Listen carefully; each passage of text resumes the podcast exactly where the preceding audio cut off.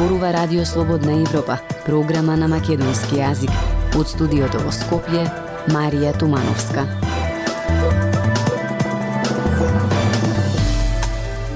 Ке не треба целосна реорганизација и систематизација на здравството, зашто тоа е во многу лоша состојба, вели министерот за здравство Фатмир Меджити во неделното интервју на Радио Слободна Европа. Првиот човек во здравствениот сектор вели дека лошото менаџирање на установите, а не недостигот на средства се главната причина за катастрофалните услови во болниците ширум земјава. Најавува укинување на економските директори од 1 јануари следната година. Преку контроли во мој термин ке го решава проблемот со немање термини за прегледи, но и со доцнењето на тендерските постапки. Во продолжение, проследете го интервјуто со министерот Меджити.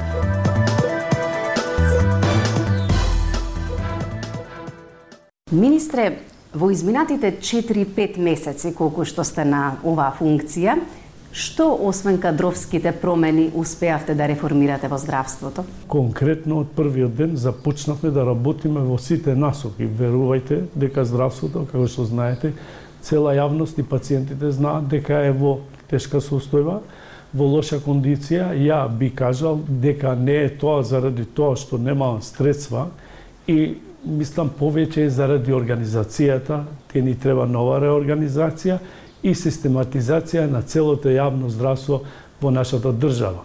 Тоа што е најголем проблем, ги гледаме ние како инвестираме нели и во методи, но објектите се руинирани во целост низ државата, работејќи до пред 4 месеци како невролог, секој дневно се соочувавме со ред дефицитарни работи и проблематики и тоа како прво што го најавивме тогаш беше ажурирање на позитивната листа, која не е ажурирана, како што знаеме, ја викав 10, некои викат 15 години.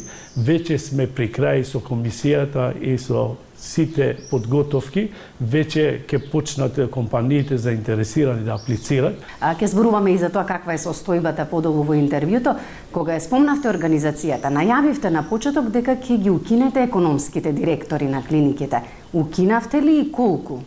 Точно така, тоа што законот го применува за сега, се уште се назначуваат, на жалост, такви организациони директори, зашто законот е таков, и ја се нафатив со тој проблем и од првиот ден почнав да работам и веќе негде пред месец дена информацијата ми е во влада, реков дека на вистина во овој тука простор што живееме, мал простор околу километар квадрат, 66 директори, 33 правни субјекти, управни одбори, што воопшто не се потребни според нашите статистики и пресметувања. И мислам, така чекате ли одобрување од владата сега за да ги бидат укинати тие места? Точно и ние се договоривме и во влада и со сите и разгледуваме и со фондот за здравствено осигурување се договараме дека најдобро е од 1 јануари 2024 што ја настојувам и за тоа тогаш да почне да функционира. Тоа подразбира дека во тој момент ќе ги снема овие организацијски директори, тоа не значи дека ќе останат без работа, тие некои ќе се вратат во претходните работните места, другите ќе видиме, ќе се организираме и ќе ги вработиме Како пациент јас тука не би се лекував. Вака изјавивте при посетата на Штипската болница. Тоа е факт кој што го знаеме, но конкретното или многу поважно прашање е што правите за да ја подобрите таквата слика, министре? Значи, тоа што го кажав е точно така, но не размислувам така. Јас се лекувам тука во здравствено, во јавното здравство. Знаете зошто? Зошто ние имаме врвни здравствени работници, врвни кадри. Значи, и доктори, и професори, и медицински сестри. Но тоа што досега на вистина фалело, било дефицит, не било како што треба, било организацијата и реорганизацијата, менаџирањето. И знам дека сите клиники имат буџет и некој знае да ги, да ги изменаџира тие финансиски средства, некои од менаџерите не знаат, но тоа што ние го правиме сега од првиот ден, значи по сите клиники имаме тајмин како тоа се одвива, ќе има контроли, има инспекции и таму кај ќе има е, недоматинско работење, кај ќе има злоупотреба, кај гледаме дека некој не го бива за таа работа, ќе укажеме, се договараме и тие менаџери ќе барам да се сменат. Но тоа што е целта моја, ќе треба цела реорганизација и систематизација на цело здравство во Македонија. Ние конкретно во клинички центар немаме проблем со кадар, освен во одредени клиники или во радиологија, во другите имаме висок кадар и тоа хиперпродукција на висок кадар и затоа ја превзедов мерка да биде да ги дисперзираме тие кадри низ цела држава. Кога ги спомнавте кадрите, а, лекарите е факт дека бегаат од државата и си одат за повисоки подостоинствени плати. Како ќе го спречите тоа, министр? А, не е само тоа, дека тука сите настојуваме, сите повикуваме и меѓународниот фактор. Значи, тоа што не не чини во државата е правниот сектор. Значи, кога нема правда, луѓето не е заради тоа, не се чувствуваат и безбедни и бегат.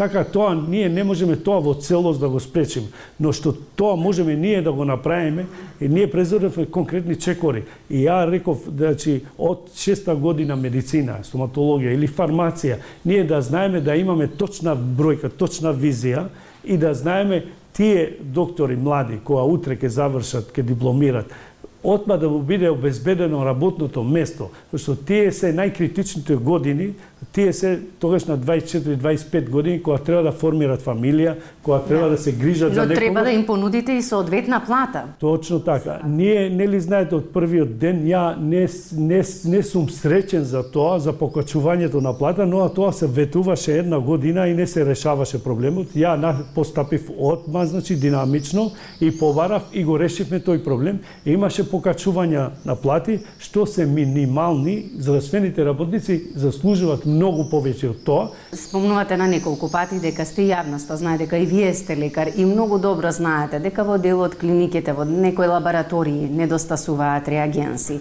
дека често се случува пациенти сами да си купуваат терапија, инекции, во други не работат апарати, пациенти умираат од инфекција од интрахоспитални бактерии и така натаму често, многу чест проблем е цитостатиците. Има, нема на луѓе пациенти кои што се зборат со една навистина тешка болест. А, проблемот е во тендерите за доцната нели набавка а, на за доцнати набавки воопшто. А, имате ли решение за тој проблем? Тоа што ние правиме еве за ретките болести конкретно ќе ви кажам, значи ние веќе направивме електронски модул што го немаше до сега Комисијата за редки болести веќе има електрон, електронски модул, каде точно ќе се знае кој лек, кој вид, до кога е употребата на лекот, кога истекнува и каде колку количество, количествено го има лекот, дали го има, дали го нема. И во тоа што е најбитно, ја како министер и кабинетот, во секој момент имаме увид точно кој лек каде и така ќе се контролира. Ја, да, секојаш не знам зошто не одговара некој, никој за овие работи, дали и ја сега сакам сега да поставам некои постулати и механизми без разлика дали ја ќе бидам министер или некој друг утре, да не е до волјата на министерот, дали сака да распишува тендери и да не распишува, да биде по автоматизам и со законска обврска. И таа е законска обврска, ама проблемот во оваа држава е што никој не одговара за таквите постапки. До каде е постапката со набавка на лекот Трикафта за болните од цистична фиброза, односно за оние кои што не го добија се на списокот? Е, ние веќе протоколот помина, добивме позитивен одговор од Фондот за здравствено осигурување за финансирање на лекот Трикафта. Веќе ги направивме сите подготовки, значи имаме протоколи што ги немаше, имаме комисија и ќе имаме најсовремен центар за цистична фиброза. Пациентот... Малку е само контрадикторно да се најави центар за такви луѓе, а, односно да има пари за да се направи тој центар, а да се нема пари за терапијата која што им е потребна, за лекот кој што на некој начин е ве го продолжува животниот век. Повеќе, повеќе дел од таа, значи од тој ние како прво мораме да имаме услови, прво, кај ќе лежат тие пациентите, тоа е основно. Без тоа не е, не можеме лекот да го даваме на улица, ме разбирате. Мислам да бидеме најасно тука, на чисто. Ние мораме да имаме таков цент и сега за секојаш ќе се постави таков центар и нема во иднина на некој ќе му текне, ајде некој ќе го пратиме вамо, некој ќе има и буџет за тоа ќе има одреден буџет како за ретките болести, зашто и таа е ретка болест, и за цистична фиброза ќе има буџет и точно ќе се одредува. Но знаете, тоа што ние не можеме некои работи на вистина сите се согласуваме дека преку ноќ овие работи не може да се променат. Кај нас и... премногу бавно, практично не се гледа напредокот, од што па, ви кажа, се трупаат истите Еве конкретен случај ќе ви давам. Еве конкретно за Тетовска болница, значи не може една зграда интерна со кебиња да се носат пациентите, од целиот лифта еден да не работи. Тоа не од вчера, и ја побарав и во влада и се, ама треба во јавни набавки да се бара тендерирање, 3-4, викам, луѓе ги носат со кебиња пациентите. Тоа е недозволиво. Но викат законите тоа го налагат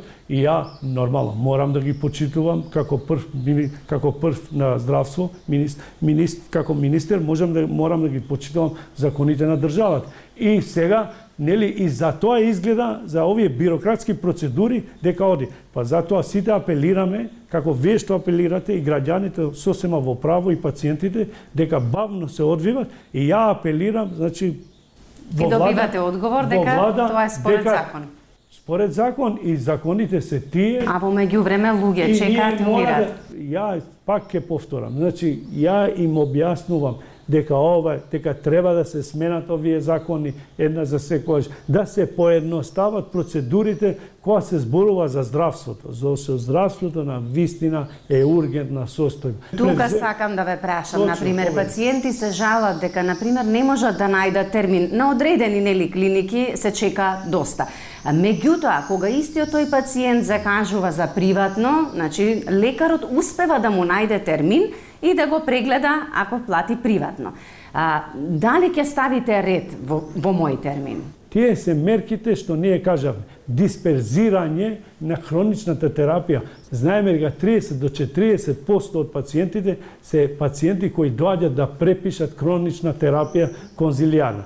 Тоа од август ќе биде веќе преминувана, кај матичните лекари овие пациенти ќе го препишат лекот, зашто веќе дигиталната ера 21 век и зошто да најдеме можност тоа така да го така да се организира. Е, зборуваме и, за дисперзирање, ама на пример еве спомнавте и самиот вие дека има апарати на пример за точно, лекување точно, на болниот канцер во штипи во битола кои што фаќаат прашина и кои што не се во употреба. За какво дисперзирање? Има, имаат акцелератори, а тој стои нема направен бункер 10 Има акцелератори кои конкретно еве ви зборува И со тоа се занимавам од првиот ден. Значи, кои не се поставени на работа, на функција, зошто не се поставени? На вистина не ви знаев да ви кажам. Кога на државата такви апарати, еден таков апарат чини од 2 до 3 милиони евра, му чинило на државата, и некој не е способен тој апарат да го стави во функција, и тој апарат сега, еве на онкологија конкретно има апарат, кој треба да се постави на функција.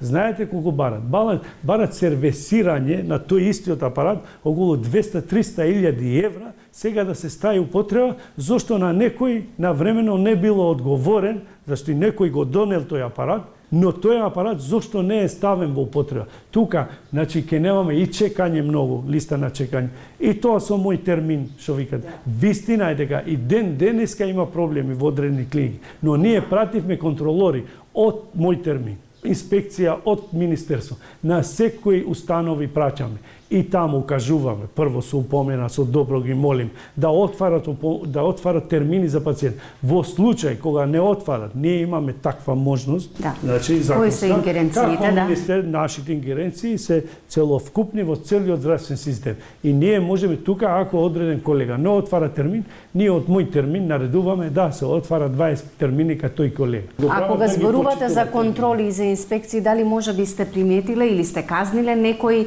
а, колега, лекар кој што злоупотребувал а, во врска со мој термин? Односно, значи, ова е не... кратко време, ние сега не одиме отма да казнуваме, значи не не не не е целта да ги казнуваме колегите и здравствените работници, ние прво апелираме Значи, такви имаме такви механизми и мерки, апелираме, даваме до знаење, ако тоа не се прави, бараме од менаџерот на клиника да оди на дисциплинска да одговара зошто во крајно време ако тоа не се прави, ќе се санкционира и менаџерот на, на здравствена установа или на клиника и самиот лекар. И тука нема да престанеме, ќе одиме до крај, но знаете, за 4 месеци толку можевме. Толку во оваа емисија ја слушавте програмата на македонски јазик на Радио Слободна Европа. Од студиото во Скопје ве поздравуваат Дејан Балаловски и Марија Тумановска.